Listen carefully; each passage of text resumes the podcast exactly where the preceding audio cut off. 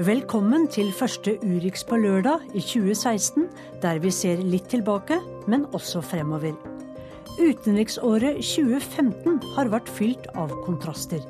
IS' ekstreme ideologi, krigen som river Syria i stykker, og flyktningenes dramatiske vei til Europa.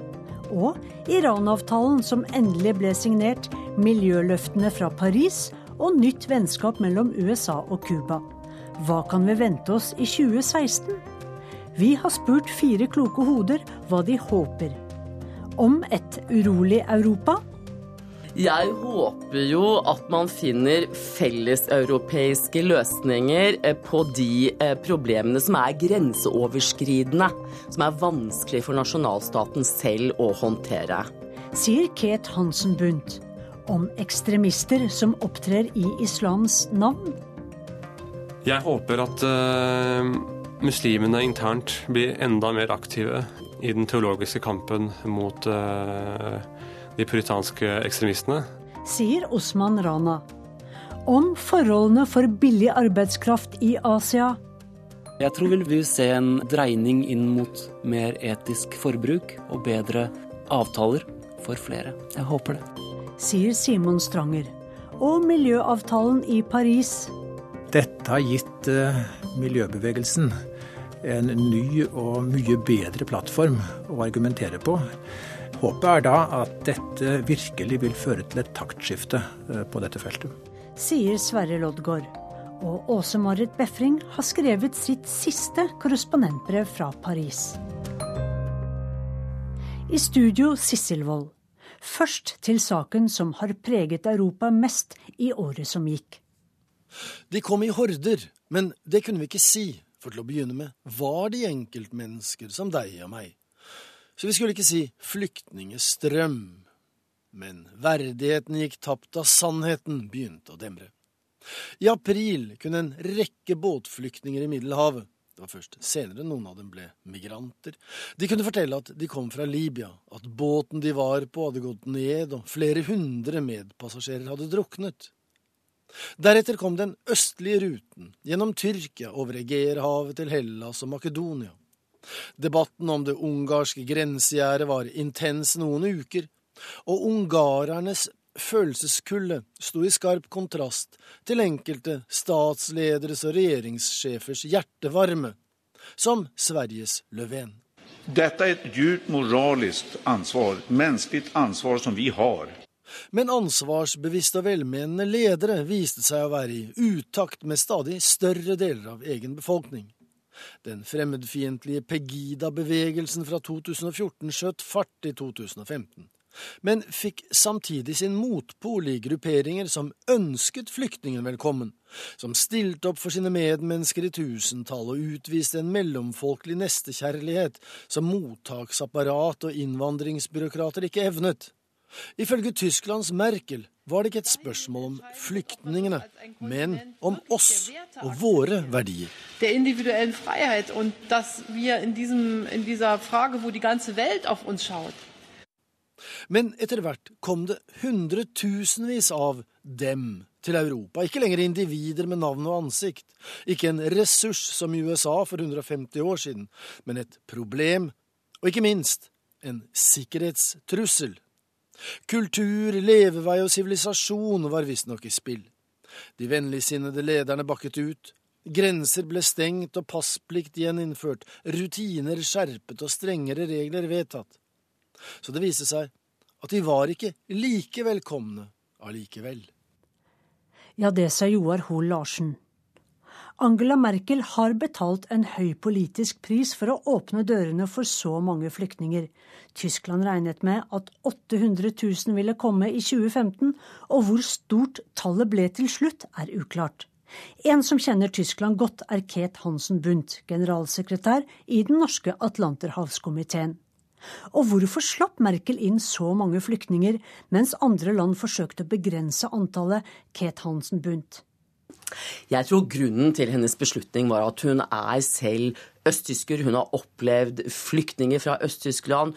Hun har opplevd krigsflyktninger. Tyskland er på en måte et land som både har produsert mange flyktninger opp gjennom eh, århundrene og tatt imot mange flyktninger.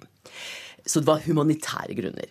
Så skal det sies at hun fikk støtte fra næringslivet. Andre eh, som mente at den demografiske utviklingen i Tyskland gjør at det er klokt å slippe inn mange migranter. Det står 500 000 ledige arbeidsplasser i tysk industri. Mm, tyske kvinner føder vel rundt 1,3 eh, barn per kvinne, eh, så det er lav fertilitet. Og man trenger altså innvandring til Tyskland. Så det er nok en investering i fremtiden. Eh, men at det var rent humanitære grunner til at hun snudde, eh, det tror jeg ikke det er noen tvil om. Det er ikke bare Tyskland som trenger innvandring, for det, er flere land som har en stadig eldre befolkning. Men samtidig så ser vi en høyrevind som blåser over Europa. Hvordan henger dette sammen, denne fremmedfrykten, samtidig som man trenger nye folk pga. demografien? Nå er det litt vanskelig å si hele Europa, for her er det jo forskjell mellom de europeiske landene. De er ulikt utrustet til å ta imot eh, store antall flyktninger, og man trenger ikke Altså hvis man tenker ren demografi, så er det også veldig eh, forskjellig. Høyrevinden i Europa, eller den mer ekstreme høyrevinden, har jo mange kilder. Det er bl.a. anti-EU, det er anti-elite det er altså motstand mot immigrasjon, spesielt muslimsk immigrasjon. Eh, og det er frykt for den nye globaliserte økonomien som på mange måter rykker litt sånn røttene opp for det kjære og kjente samfunnet som man kommer fra. Men det er stor forskjell mellom Marine Le Pen i eh, Frankrike, Nasjonal Front, eh, og, og UKIP i Storbritannia, som er mer i det rent anti-EU antiintegrasjonsprosjekt. Men hvordan forklarer du at de østeuropeiske landene, og da tenker jeg på de som levde bak jernteppet, er så mye mer skeptiske til å hjelpe syriske flyktninger enn land i Vest-Europa? Ja, Dette er jo veldig interessant, for dette er jo land som selv har eh, vært i nød, har trengt solidaritet vestfra.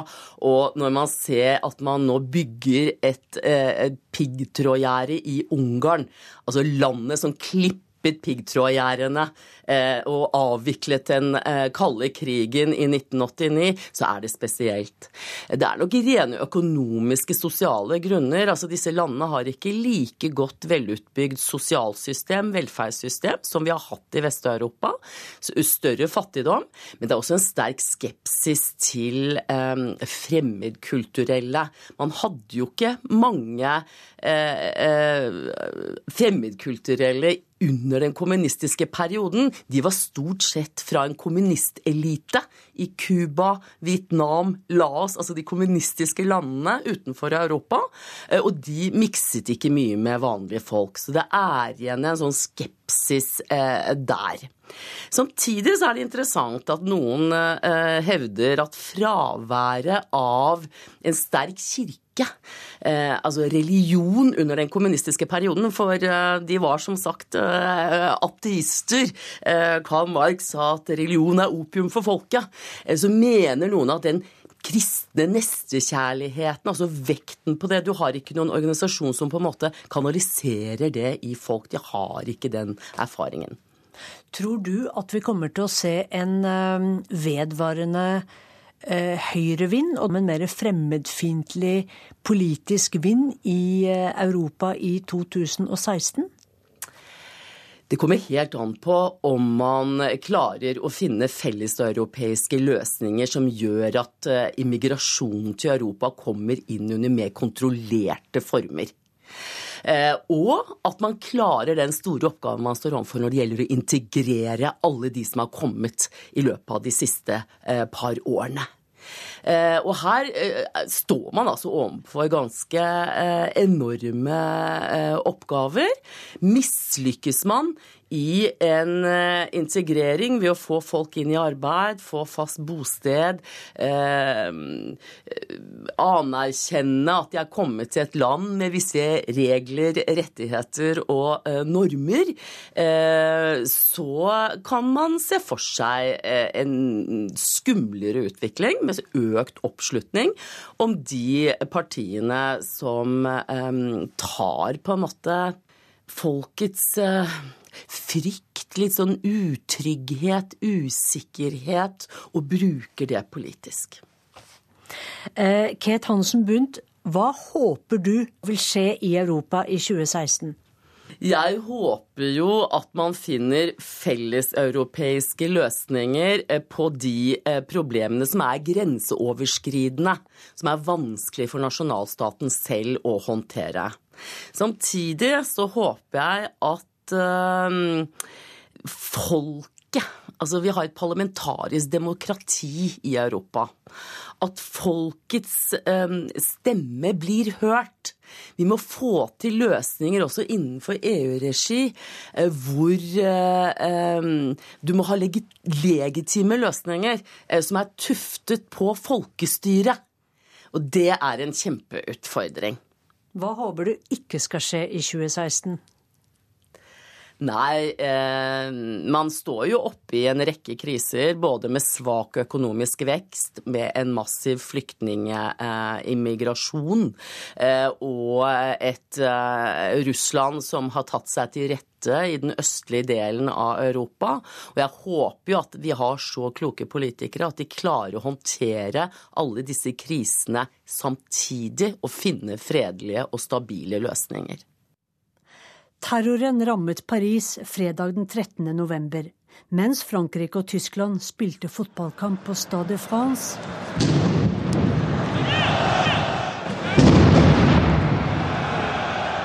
Og mens Eagles of Death Metal spilte på Bataclan. C'est un acte de guerre qui a été commis par euh, une armée terroriste, Daesh, dette er en krigshandling, sa president Francois Hollande og plasserte ansvaret hos IS eller Daesh. Terrorhandlinger utført av IS og deres tilhengere og redselen for fremmedkrigere trent opp i Syria preget den vestlige verden i året som gikk. Men ekstremister som angriper i islams navn, er et stort problem også for europeiske og norske muslimer. Islams hus brenner, og muslimene inne i huset merker at det brenner under føttene deres. Dette er en brann muslimene selv må ta ansvar for å slukke. Ja, det mener du, Osman Rana, skribent og tidligere leder av Muslimsk studentersamfunn. Så hvordan påvirkes livene til europeiske og norske muslimer sett i lys av alt det som skjer i Midtøsten? Vi ser at uh, norske muslimer uh, påvirkes veldig sterkt. Uh, det går ikke an å leve i en boble i Norge. Vi har internett, vi har sosiale medier. Så, så, alt som skjer i Midtøsten eller andre steder som handler om islam eller muslimer, påvirker også muslimer i Norge på en veldig kraftig måte. Og til dels kan det ha en del negative konsekvenser, fordi vi ser at en del konfliktlinjer eh, eh, i Midtøsten eh, også finner gjenklang i Norge, og, og, og at en del konflikter i Midtøsten virker radikaliserende for unge muslimer her i Norge. I hvilken grad ødelegger IS eller ISIL for europeiske muslimer? ISIL ødelegger veldig mye. På den ene siden så, så ønsker de å kapre definisjonsmakten over islam, at de ønsker å fremstå som de eh, ekte muslimene og de mest rettroende, eh, når faktum er at mange sunni- og shia-lærde har fordømt dem, og, og, til og med sagt at de ikke hører inn under islam pga. deres ekstremisme, og at de har brutt med den islamske tradisjonen. På den andre siden eh, så er ISIL med på å, å, tiltrekke seg en del eh, europeiske muslimer, som vi jo vet eh, mye om. For det tredje så ser vi at at ISIL er med på å bygge opp et fiendebilde mellom islam og Vesten. Der man fremstiller det som at det foregår en sivilisasjonskrig mellom Vesten og islam. Og, og, og denne tesen om sivilisasjonskrig har jo gjenklang også i Vesten blant, blant en del ikke-muslimer. Jeg tror at det er veldig viktig å si nei, at det foregår ingen krig mellom islam og Vesten. Man må ikke gjøre ISIL til representanter for islam. Da er man med på å bygge opp ISIL. Og deres narrativ må ikke aksepteres. Og du mener at eh, det muslimske samfunnet i Norge, men også i Europa, bør ta et ansvar for å rydde opp i dette problemet. Hvordan, hvordan da? Absolutt. Eh, altså, jeg vil eh, understreke at det er mange årsaker til ekstremismen i dag. Det er politiske årsaker, det er historiske årsaker, kolonitiden, at Bashar al-Assad fortsatt er ved makten. Det er marginalisering av sunnier i Irak, som har gjort dem eh, til lette ofre for eh, ISIS sin eh, propaganda. Samtidig så tror jeg ikke at muslimer kan underkjenne at ekstremister som ISIL og Al Qaida nettopp bruker islams hellige tekster til å rettferdiggjøre sin ekstremisme teologisk. Og, de henter en del av sin inspirasjon fra eh, bokstavtro tendenser eh, som vokste frem særlig på 1700-tallet i dagens Saudi-Arabia. Eh, såkalte salafisme eller eh, wahhabisme. Eh, så eh, på det punktet, på det teologiske punktet, så er det nødvendig at muslimer fører en intellektuell og åndelig kamp mot de som er ekstreme. Men er den debatten innad i Islams hus vanskelig? Fordi at de mest bokstavtro vil si at de som er mer moderate, ikke er muslimske nok? Det er noe som eh, går igjen, og et eh, kjennetegn eh, ved de som er veldig puritanske og bokstavtro, er at de gjør såkalt takfir. Dvs. Si at de kaller vanlige muslimer som ikke er enige med dem, de kaller dem ikke-muslimer. At de har forlatt islam. Og det er veldig alvorlig. Så det er en utfordrende diskusjon. Men det jeg savner, er at man er flinkere til å fortelle hva islamsk ortodoksi og konservatisme er. Fordi ofte i vestlige medier, og også blant en del unge muslimer som ikke vet bedre, så tror de at eh, det er eh, de puritanske og de bokstavtro som vokste frem på 1700-tallet, at det er de som representerer islamsk konservatisme. Så her må de som tilhører mainstream islam, si at eh, konservativ islam er kjennetegnet faktisk av at man tolker tekstene, at man kontekstualiserer tekstene. Og da kan man tolke dem inn i en Eh, vestlig sammenheng, sånn som eh, du som er religiøs, konservativ, men likevel så har du tilpasset livet ditt til det norske samfunnet. Er det det, det du mener? Definitivt. Jeg tror det er et stort behov eh, for å sette islam i en norsk og europeisk sammenheng. Vi ser at det foregår allerede i særlig USA. Særlig teologer som Hamza Yusuf i California leder an i denne uh, utviklingen. Og, og, denne utviklingen er vi nødt til å få i Norge også, der man uh, ikke ser noen motsetning mellom det å være praktiserende muslim og det å være en lojal norsk borger. Uh, det krever samtidig også en del av storsamfunnet. vi ser en del tendenser til at storsamfunnet ofte likestiller det å være en eh, vanlig praktiserende muslim, f.eks. hvis man ber eller er avholdsmann eller har skjegg eller går med hijab, at det sidestilles med det å være ekstrem. Eh, og når man lukker igjen døren for å være åpenlyst praktiserende i det norske samfunnet, så, så, så, tror jeg at man også er med på å åpne en dør eh, til at disse unge muslimene som ikke føler de blir akseptert som både norske og som religiøse, at de da blir ofre for eh, ekstremistenes eh, propaganda. Det er brann i Islams eh, hus, sier du, og de fleste ofrene for de ekstreme muslimske gruppene er muslimer. Hvorfor kan ikke de islamske og de muslimske statene selv rydde opp i problemene i Syria, i Irak? Det er et veldig godt spørsmål, eh, og det er det veldig mange muslimer som eh, stiller seg selv eh, også. Og da vil en del muslimer argumentere med at mye av uroen i Midtøsten i dag skyldes kolonitiden, at man delte opp Midtøsten uten å tenke på sekteriske, kulturelle og religiøse skillelinjer, og at det er vanskelig å samle seg om hvem man skal eh, støtte, hvem man ikke skal støtte eh, for en del land i Midtøsten. Men jeg ønsker definitivt velkommen at muslimske land deltar mer. Vi har jo sett at land som Qatar, Jordan og Saudi-Arabia har deltatt i lag med Vesten i kampen mot ISIL.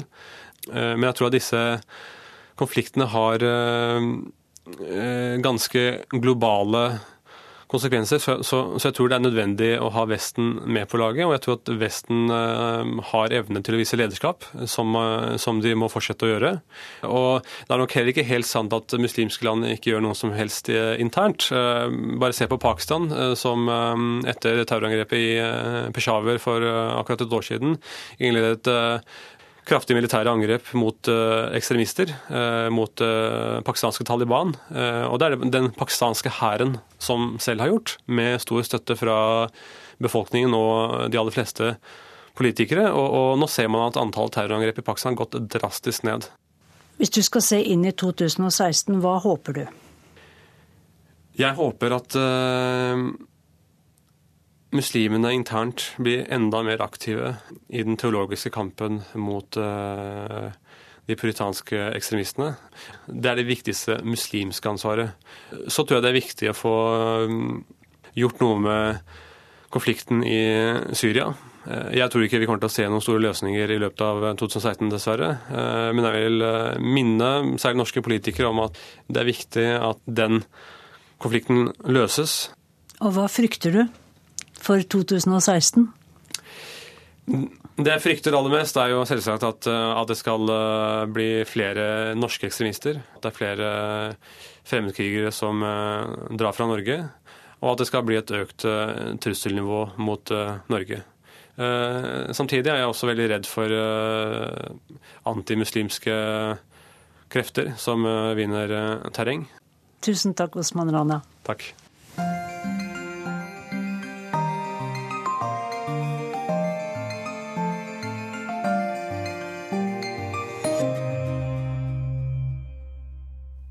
Barzak er et arabisk ord som betyr hindring eller smal passasje, og som beskriver mellomstadiet etter døden og før dommedag. Barzak er også navnet på en ungdomsroman av Simon Stranger med undertittelen Emilie, Samuel og Gran Canaria. Emilie er en spiseforstyrret tenåring fra Bærum på ferie i Syden. Samuel er en tenåring fra Ghana på farefull ferd over havet mot Europa. På en joggetur får Emilie øye på Samuel. Emilie løsnet drikkeflasken fra rumpetasken og tok en slurk. Så krysset hun veien og jogget nedover en sti som førte fram til en liten strand mellom klippene. Kanskje hun skulle ta et bad? Hun hadde jo bikini under. Hun kikket utover havet, bølgene og glitteret av sollys i overflaten. Så fikk hun øye på den. En båt. En liten, skrøpelig trebåt fylt til randen med mennesker. Afrikanere. Akkurat som på bildet i avisen. Det var ikke mer enn 50 meter fra land, likevel lå de fleste av dem urørlige mens båten langsomt drev innover. Et hode stakk opp over ripa. En gutt på omtrent hennes egen alder hadde fått øye på henne og vinket inn mot land. Herregud, glapp det ut av henne der hun sto, alene på stranden. Herregud. Så hevet hun armen og vinket tilbake. Båten drev sakte innover. Samuel hevet hodet over kanten for å se hvor de var, Først så han bare klippene, sandstranden og bølgene som skummet inn mot land. Så fikk han øye på henne. En ung europeisk jente med moderne, tettsittende treningstøy. Akkurat som på TV. Endelig. Endelig var de fremme. Ved siden av ham lå alle de andre flyktningene, med øynene lukket. Tørre lepper. Hvor mange dager hadde de ligget slik? Hvor lenge var det siden sist noen av dem hadde spist eller drukket noe? Det burde ha vært et eget ord for noe så idiotisk, å være omgitt av vann på alle kanter, men likevel holde på å tørste i hjel. Han hadde satt et merke i ripa på båten for hvert døgn til å begynne med, men sluttet da han kom til 17. Det var ingen vits i å telle mer, ingen vits i å telle ned mot sin egen død. De andre flyktningene hadde sittet tett inntil hverandre med hodet bøyd mellom knærne. De hadde risikert alt, tatt farvel med alle de kjente, gjort alt for å komme over til den andre siden. Nå var de der. Samuel kjente lettelsen flomme gjennom seg. De var fremme, de var reddet. Det var Gry Bratseth og Ugo Fermariello som leste to utdrag fra Barsak. Simon Stranger skriver for å engasjere ungdom i verden vi lever i. Barsak er første bok i en trilogi. Den andre, 'Verdensredderne', handler om forholdene for tekstilarbeiderne i Bangladesh. Og i romanen 'De som ikke finnes' kommer Samuel til Norge som papirløs flyktning og banker på Emilies dør. Og Simon Stranger, denne trilogien er kanskje blitt litt mer aktuell enn det du hadde tenkt deg? Ja, dessverre.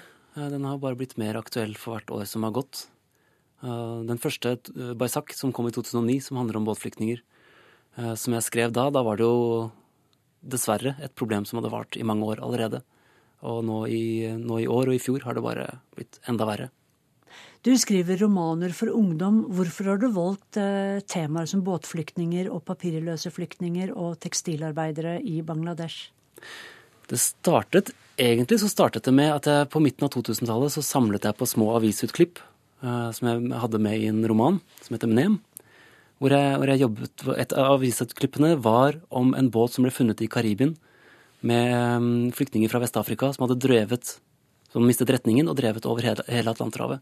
Så var 52 arbeidere som ble funnet døde, deriblant en mann som hadde skrevet en hilsen til familien sin uh, med sitt eget navn.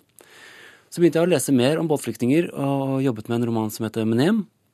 Og jobbet ganske mye med en historie om en eritreisk flyktning som reiser over Middelhavet til Europa. Som endte opp med å bli, bare bli en, en sort-hvitt tegneserie inni den romanen som jeg fikk en venn av meg til å tegne. Så når jeg var ferdig med det, så hadde jeg masse materiale som jeg ikke hadde brukt til noe, og jeg var ganske sliten etter å ha jobba med den romanen i fem år. Så jeg tenkte at her, her er det en historie. Og så så jeg bare for meg en scene av en jente som løper på en strand, og som ser en båt utenfor. Og der begynte boka for meg. Og de bildene har jo vi sett uh, på skjermen i nyhetssendingene i uh, store deler av dette året. Ja, dessverre. Og noe av det, noe av det eh, som jeg syns er så tragisk med dette, er at det ikke hadde trengt å skje. Det er noe av det som, som gjør meg ordentlig sint og fortvila oppi det. Er det unødvendige ved det. Um, fordi det er jo faktisk sånn at vi har internasjonale forpliktelser til å ta imot flyktninger.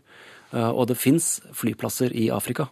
Så det er ikke sånn at man for å komme fra Afrika til Europa er nødt til å kjøpe plass om bord for øh, å bruke veldig mye penger også for å kjøpe plass om bord i en båt til Europa. Det koster ca. fire ganger så mye å kjøpe plass hos en, en menneskesmugler i en utrygg, overfylt båt som det ville kostet å kjøpe en flybillett fra en, afrikansk storby til Europa. Så grunnen til det her er et EU-direktiv fra 2011, mener jeg det er, som gjør flyselskapet ansvarlig for å returnere folk som ikke, har, eh, som ikke får opphold. Så de er nødt til i praksis å gjøre den vurderingen av om folk virkelig er asylsøkere, berettiget eller ikke. Um, som fører til at Hvor mange er det som hittil har dødd i år? Jeg tror det er rundt 3600. Mm. Um, siste 15 årene så er det, tror man at det har dødd ca. 40 000 på vei over Middelhavet. De hadde ikke trengt å gjøre det. Som uh, yngre så forsøkte du å ta all lidelse innover deg selv? Uff, ja. Et, uh, et, håpløst prosjekt. Og en veldig, veldig dum måte å bruke ungdomstiden på. Uh, men jeg tror på et tidspunkt som ganske ung fikk en fornemmelse av å være veldig, veldig heldig uh, som var født i Norge. Så heldig at, det, at, jeg følte det urettferdig, på et vis. Så sånn um, Et eller annet slør som ble revet vekk fra øynene, og jeg begynte å se utover grensene til Norge og dette var, var jo Jeg var ungdom på slutten av 80-tallet. Om du husker sultkatastrofene, som var mye i media. Og det var en litt sånn apokalyptisk tidsånd. Det var mange som var redd for tredje verdenskrig med atombomber. Og jeg leste mye, så mye statistikk jeg bare kunne finne om verdens elendighet. Og tenkte liksom at jeg gjennom å lese meg opp på det her, så skulle jeg finne et eller annet svar, en eller annen løsning eller noe. Det gjorde jeg aldri. Jeg ble bare rett og slett ordentlig dårlig av det. Eh, som jeg scene jeg har beskrevet i en av, en av bøkene. Uh, hvor jeg plutselig så for meg døde uh, afrikanere i trappa på vei opp i et friminutt på skolen. Så etter det så tok jeg en, en mangeårig pause, faktisk, fra å lese nyheter. Og har gjort andre ting i stedet. Fått meg kjæreste og jobbet og reist og fått barn. Mens nå er jeg på et annet punkt i livet og føler at jeg kan bruke den stemmen jeg har som forfatter. Ikke at jeg må gjøre det, men at det har føltes fint og føltes riktig å, bruke noe av det engasjementet igjen. da. Hvordan eh, blir du møtt som forfatter av ungdom som leser bøkene dine? Jeg får veldig, veldig god mottagelse, altså, eh, av, også av ungdommer. Eh, alt fra sånne folk som, som skriver meg til, til, meg på Facebook. Sånn, jeg pleier ikke å lese så mye, men så hadde vi særoppgave, og nå har jeg lest Baisak, og den var jo kjempespennende. Og så tenker jeg at da fins det, det, mange andre bøker til dem også der ute, som de kan glede seg til. Jeg tror noe, noe av det som har berørt meg med det, og som jeg også merker at berører andre, er det sånn halvdokumentariske ved det. At dette er jo fiktive personer jeg skriver om. Men det er innenfor en ramme av en virkelighet som Eller en historie som oppleves som virkelig. Og man skjønner når man leser den, at det fins mange Emilier i verden, og det fins mange Samueler. Og at disse, disse, historiene faktisk de foregår akkurat her og nå. Og den, den på en måte vekten kan jeg se at synker inn hos eh, mange av elevene jeg møter også. Hva tenker du om 2016? Går vi inn i en mørkere tid? Nei, jeg, jeg, orker ikke å tenke at vi gjør det. Jeg er ferdig med å tenke at vi går inn i en mørkere tid. Så Det er klart, det er det største antallet flyktninger vi har nå siden andre verdenskrig. Så ting er jo ikke sånn spesielt lyse på den fronten. Men hvis man ser i et, i et mye lengre perspektiv, man ser sånn menneskeheten i et par hundre års perspektiv, så er det stadig færre væpnede konflikter. Eh, folk lever lenger. Det er færre overgrep mot kvinner og mot barn. Det er eh, bedrede færre, færre sykdommer.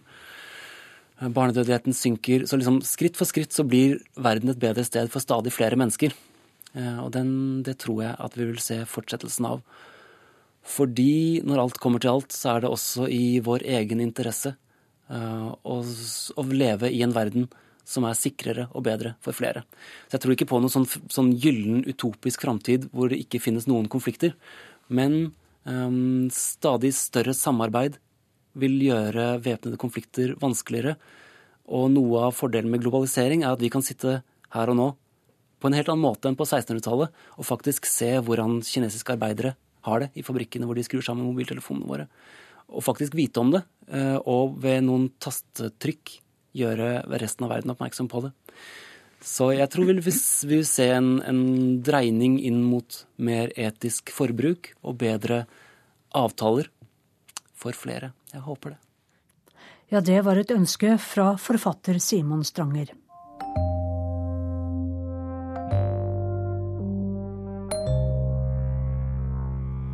Flyktningstrømmen skaper dynamikk i storpolitikken, og flere toppolitikere innser at en av årsakene Krigen i Syria må stanses.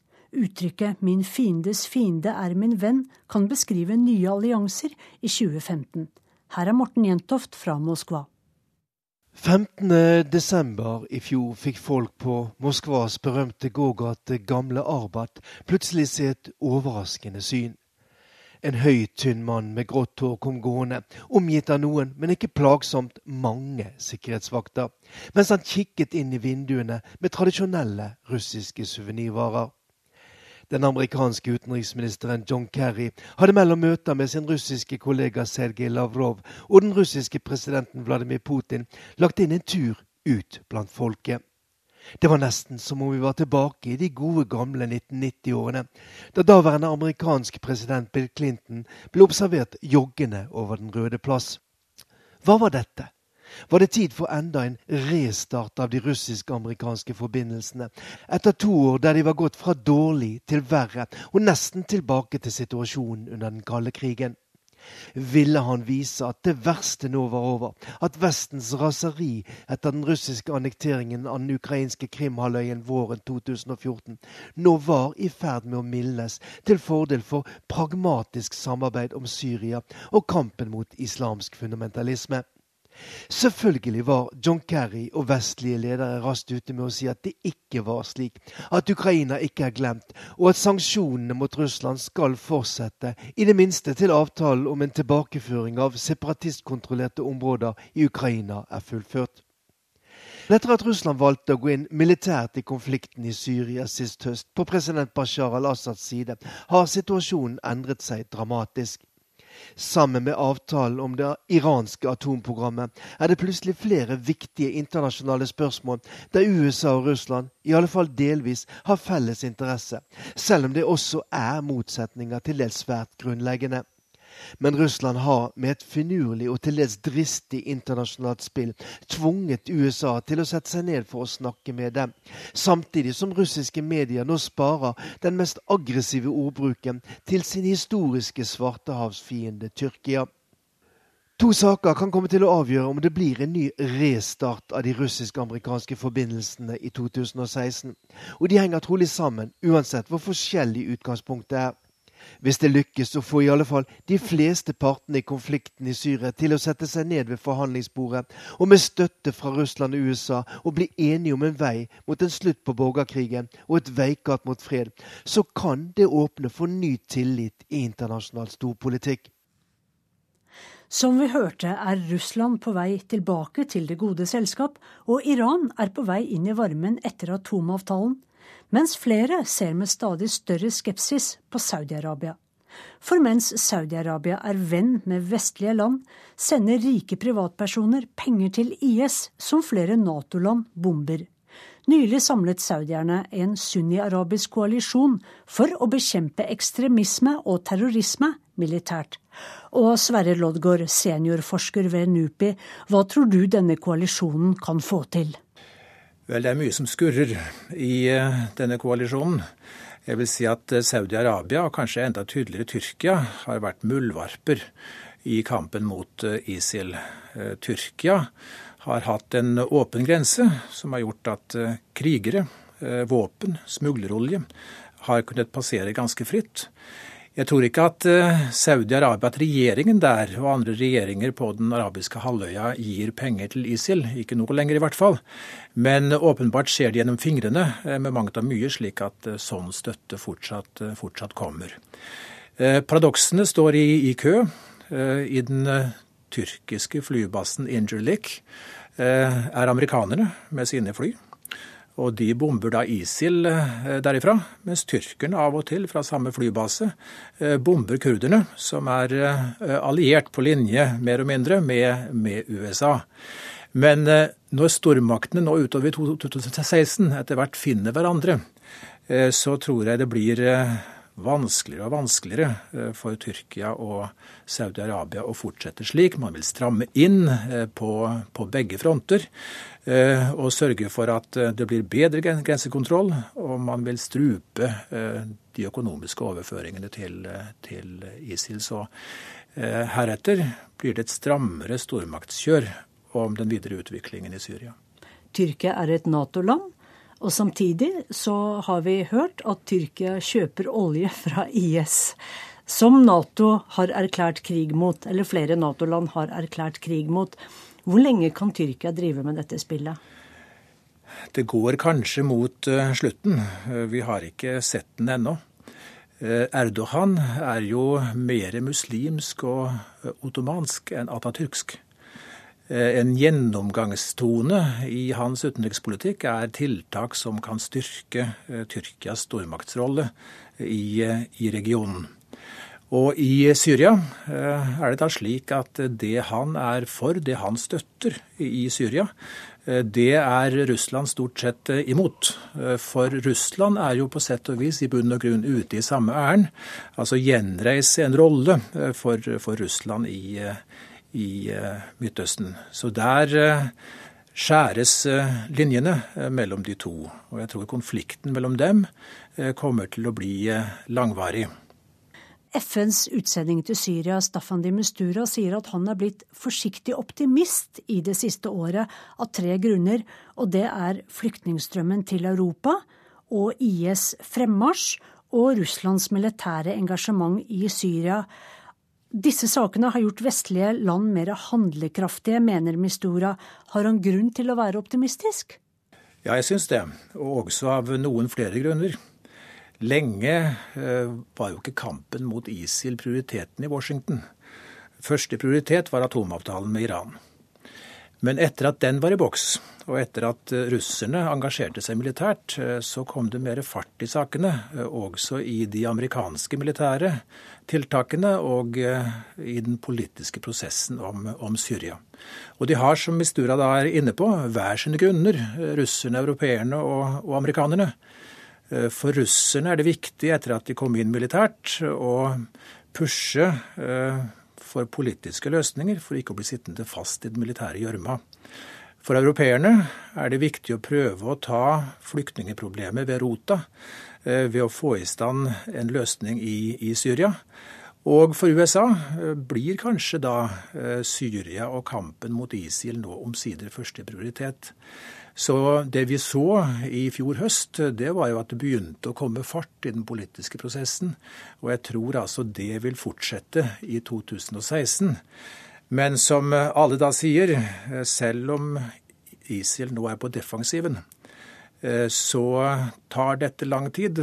For den som okkuperer, vil også eie det okkuperte. Og det er ingen som ønsker seg det eh, fallittboet. Så Eh, kampen vil etter all sannsynlighet fortsette utover 2016. Du nevnte Iran. Iran er jo nå på vei inn i varmen igjen, mens eh, Saudi-Arabia møtes med mer og mer skepsis. Vår forståelse av disse landene og hva de betyr i regionen, blir etter hvert mer realistisk etter eh, eh, Iran-avtalen. For Iran var jo lenge fiendebilde nummer én i Washington, og så ble altså vårt bilde av Iran eh, farget av det. Eh, nå er det litt mer balanse i det. Men det det betyr, er naturligvis at eh, Iran nå er inne igjen i det, i det gode selskapet. Er med også i samtalene om Syria. Så frykter Saudi-Arabia at eh, Iran, med hevingen av sanksjonene, blir økonomisk sterkere og derfor en farligere rival i regionen. Og slik kan det jo gå. Jeg tror mer på en eh, annen vei for Iran. Eh, jeg tror mer at Iran vil konsentrere seg om eh, gjenreisningen av egen økonomi, utviklingen av eget land, og prøve å høyne sin status i regionen ved å søke samarbeid om politiske løsninger med andre. Hvilke konflikter eller konfliktlinjer syns du vi bør følge spesielt godt med på? Araberverdenen er i en elendig forfatning. Eh, og så er det jo slik i Midtøsten, som du vet veldig godt, at eh, det er aldri så galt at det ikke kan bli verre. Eh, I Egypt er trykkokeren i gang igjen. Og hvis den lave oljeprisen gjør at Saudi-Arabia og Emiratene slutter å overføre penger til et Egypt som de mener er skakkjørt av Sisi, så kan statskassa der bli tom. Eh, og, kan, og, Derfor er det grunn til å ha øynene rettet eh, ikke minst mot eh, Egypt i, i tida fremover. Så tror jeg kanskje at i forholdet mellom Russland og Vesten over Ukraina-konflikten, så kan vi komme til å se en heving av sanksjonene i 2016. Så får vi ikke være for nærsynte. Store, det store geopolitiske dramaet i vårt århundre Eh, finner jo sted på den andre siden av kloden, mellom Kina og USA. Kina vokser eh, veldig raskt. Hvis vi ser på perioden 1980, da åpningen mot omverdenen startet, og frem til i dag, så har vel ingen nasjon noen gang vokst så mye, eh, så raskt og på så mange dimensjoner som nettopp Kina, som nå utfordrer det amerikanske hegemoniet. Og her vet vi av historisk erfaring at slike situasjoner er kritisk farlige når nummer to i verdenshierarkiet prøver å jekke ut uh, nummer, nummer én. Derfor er det i dette forholdet ikke nok med business as usual. Og det er ikke nok heller å si som amerikanerne ofte gjør, at uh, vi har et problem her, vi må fikse det. Det er ikke noe som kan fikses, dette her. Dette er en utfordring som vil strekke seg over en generasjon og som krever oppmerksomhet eh, i lang tid eh, fremover. Dette er det geopolitiske dramaet som er blitt sammenlignet med nedsmeltningen av eh, isen i Arktis eh, på klimaområdet. Hva er ditt håp for 2016? Så får jeg kanskje nevne eh, det temaet som vi ikke har vært innom, altså miljøavtalen fra Paris. Eh, ambisjonene som ble definert der, er høye. Alle er med. Alle skal stå til ansvars for sine gjerninger og ugjerninger hvert femte år. Dette har gitt eh, miljøbevegelsen en ny og mye bedre plattform å argumentere på. Jeg tror kanskje det er hovedsaken nå når avtalen skal fylles med innhold. Eh, håpet er da at dette virkelig vil føre til et taktskifte eh, på dette feltet. Og hva frykter du? i 2016? Ja, Da er vi, eh, tror jeg, tilbake til, til Midtøsten. Det stabile i Midtøsten det forestås av ikke-arabiske land. Israel, Tyrkia, Iran er rimelig stabile. Men som sagt, resten er i elendig forfatning og kan bli enda verre. Da får jeg vel nesten si takk, Sverre Loddgaard. Takk selv.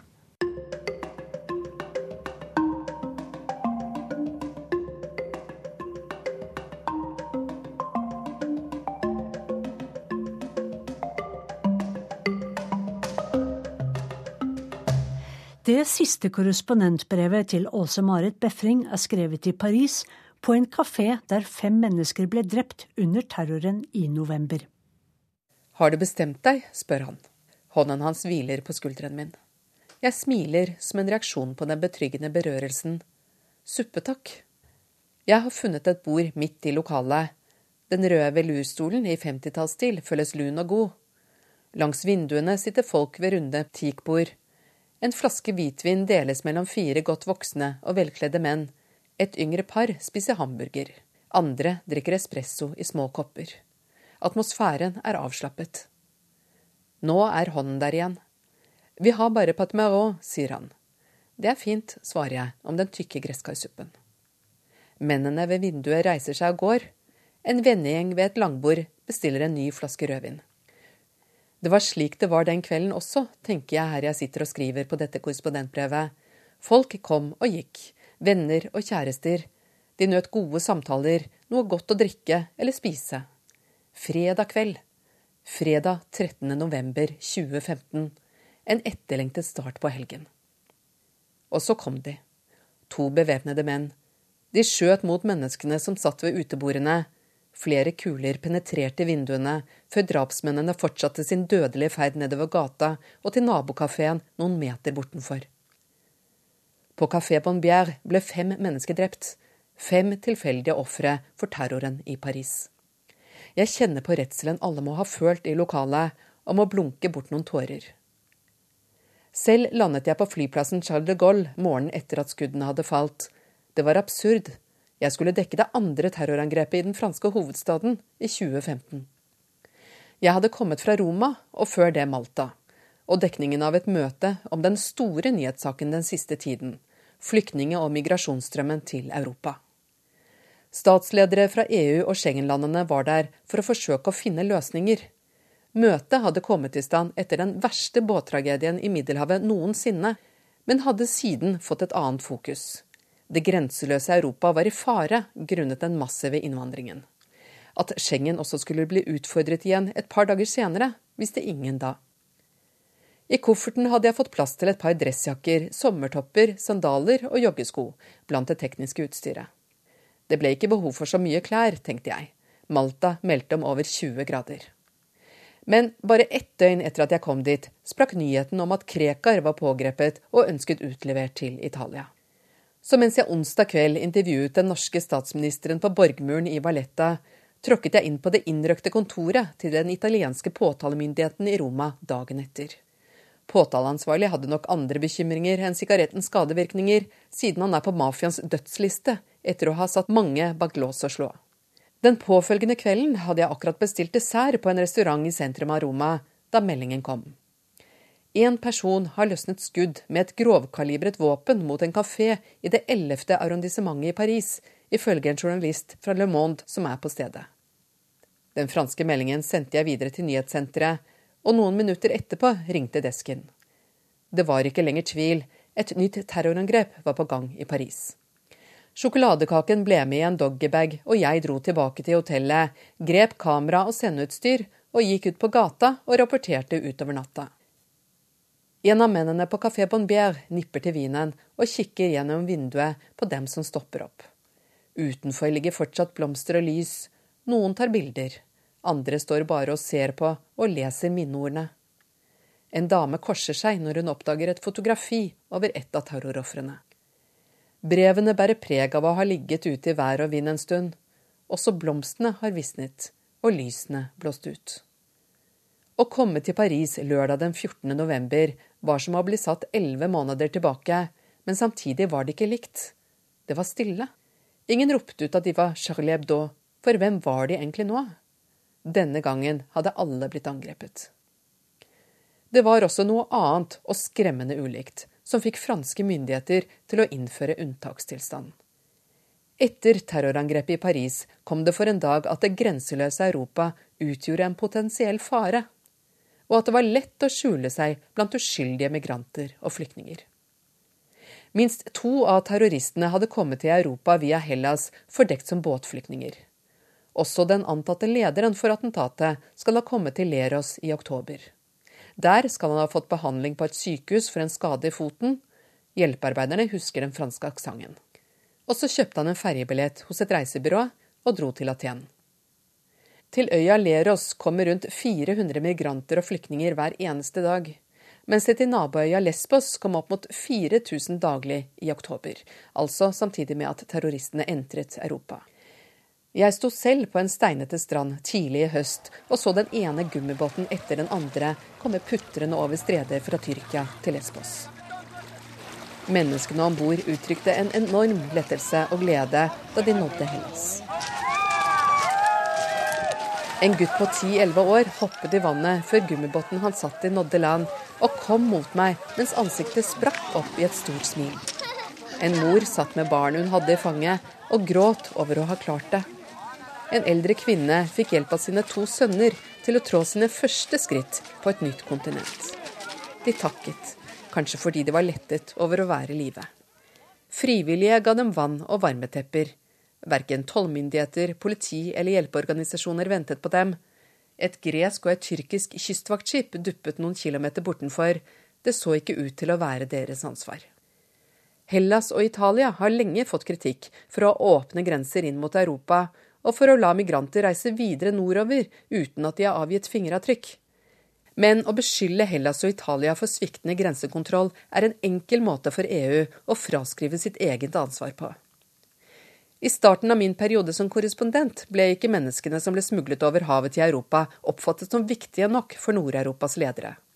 De reagerte samstemt med sjokk og sorg da nærmere 400 mennesker druknet utenfor den italienske øya Lampedusa høsten for to år siden, men ingen så det som sitt ansvar å gjøre noe for å forhindre neste tragedie. Det ble overlatt til Italia, som advarte om at de ikke var i stand til å håndtere det. Det året, i 2013, kom dobbelt så mange migranter til Europa over Middelhavet som året før. Lampedusas ordfører er en dame med bein i nesa, og hun tok alle midler i bruk for å få den oppmerksomheten denne saken fortjente. Hun omtalte Middelhavet som en kirkegård, og slo inn dører, bokstavelig talt, for å gjøre det mulig for media å fortelle om tragediene bak tallene. Slik hadde det seg at jeg sto inne i en flyhangar og så flere hundre kister oppstilt med hver sin røde rose på lokket. Det som var tyngst å ta inn over seg, var alle de små barnekistene.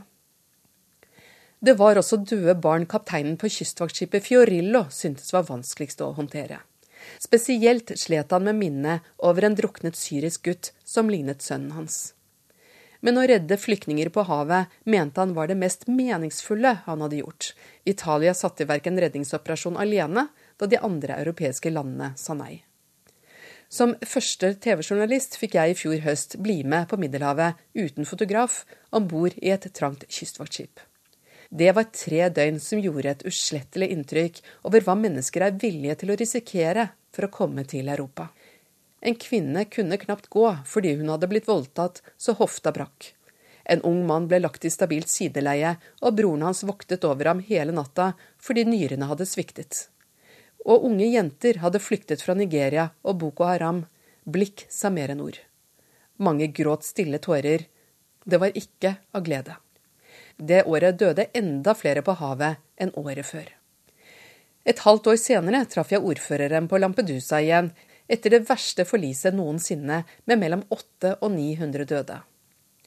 Dette er vår tids holocaust, sa hun da. På halvannet år hadde lite skjedd fra EUs side, men nå satte unionen i gang en større operasjon for å passe yttergrensene og redde båter som forliste. Innen neste sommer skal Schengen i gang med sin overnasjonale grensepatrulje. Allerede nå er grensene i Europa forandret. Jeg måtte vise pass på toget mellom Brussel og Paris, og i togsettet patruljerte væpnet politi. Landene mener nå at det viktigste er å vokte grensene, så ingen kommer ulovlig inn i Europa. Frankrikes Hollande og Tysklands Merkel sto sammen om det uka før jul. Tyskland grunnet migranter, Frankrike fordi de frykter terroristenes frie bevegelse inn og rundt Europa. Kelneren på Café Bombière setter røde stearinlys på bordene. Mørket har falt på. Stadig kommer folk inn og skuer etter ledige bord uten å finne noe. Jeg betaler og spør kelneren om han var på jobb den kvelden. Han blir helt satt ut og glemmer å gi tilbake på femtilappen. Jeg beklager og går ut. Jeg sto her utenfor i Dagsrevyen en kveld. Da var roser stukket inn i kulehullene. Men nå er vinduene byttet ut. Sakte blir sårene og sporene borte, og hverdagen faller på plass. Hvem var de egentlig i dagene etter attentatet? De var Paris. Teknisk ansvarlig for denne sendingen er Hilde Tosterud, i studio Sissel Wold, som ønsker et godt utenriksår, også med gode nyheter i 2016.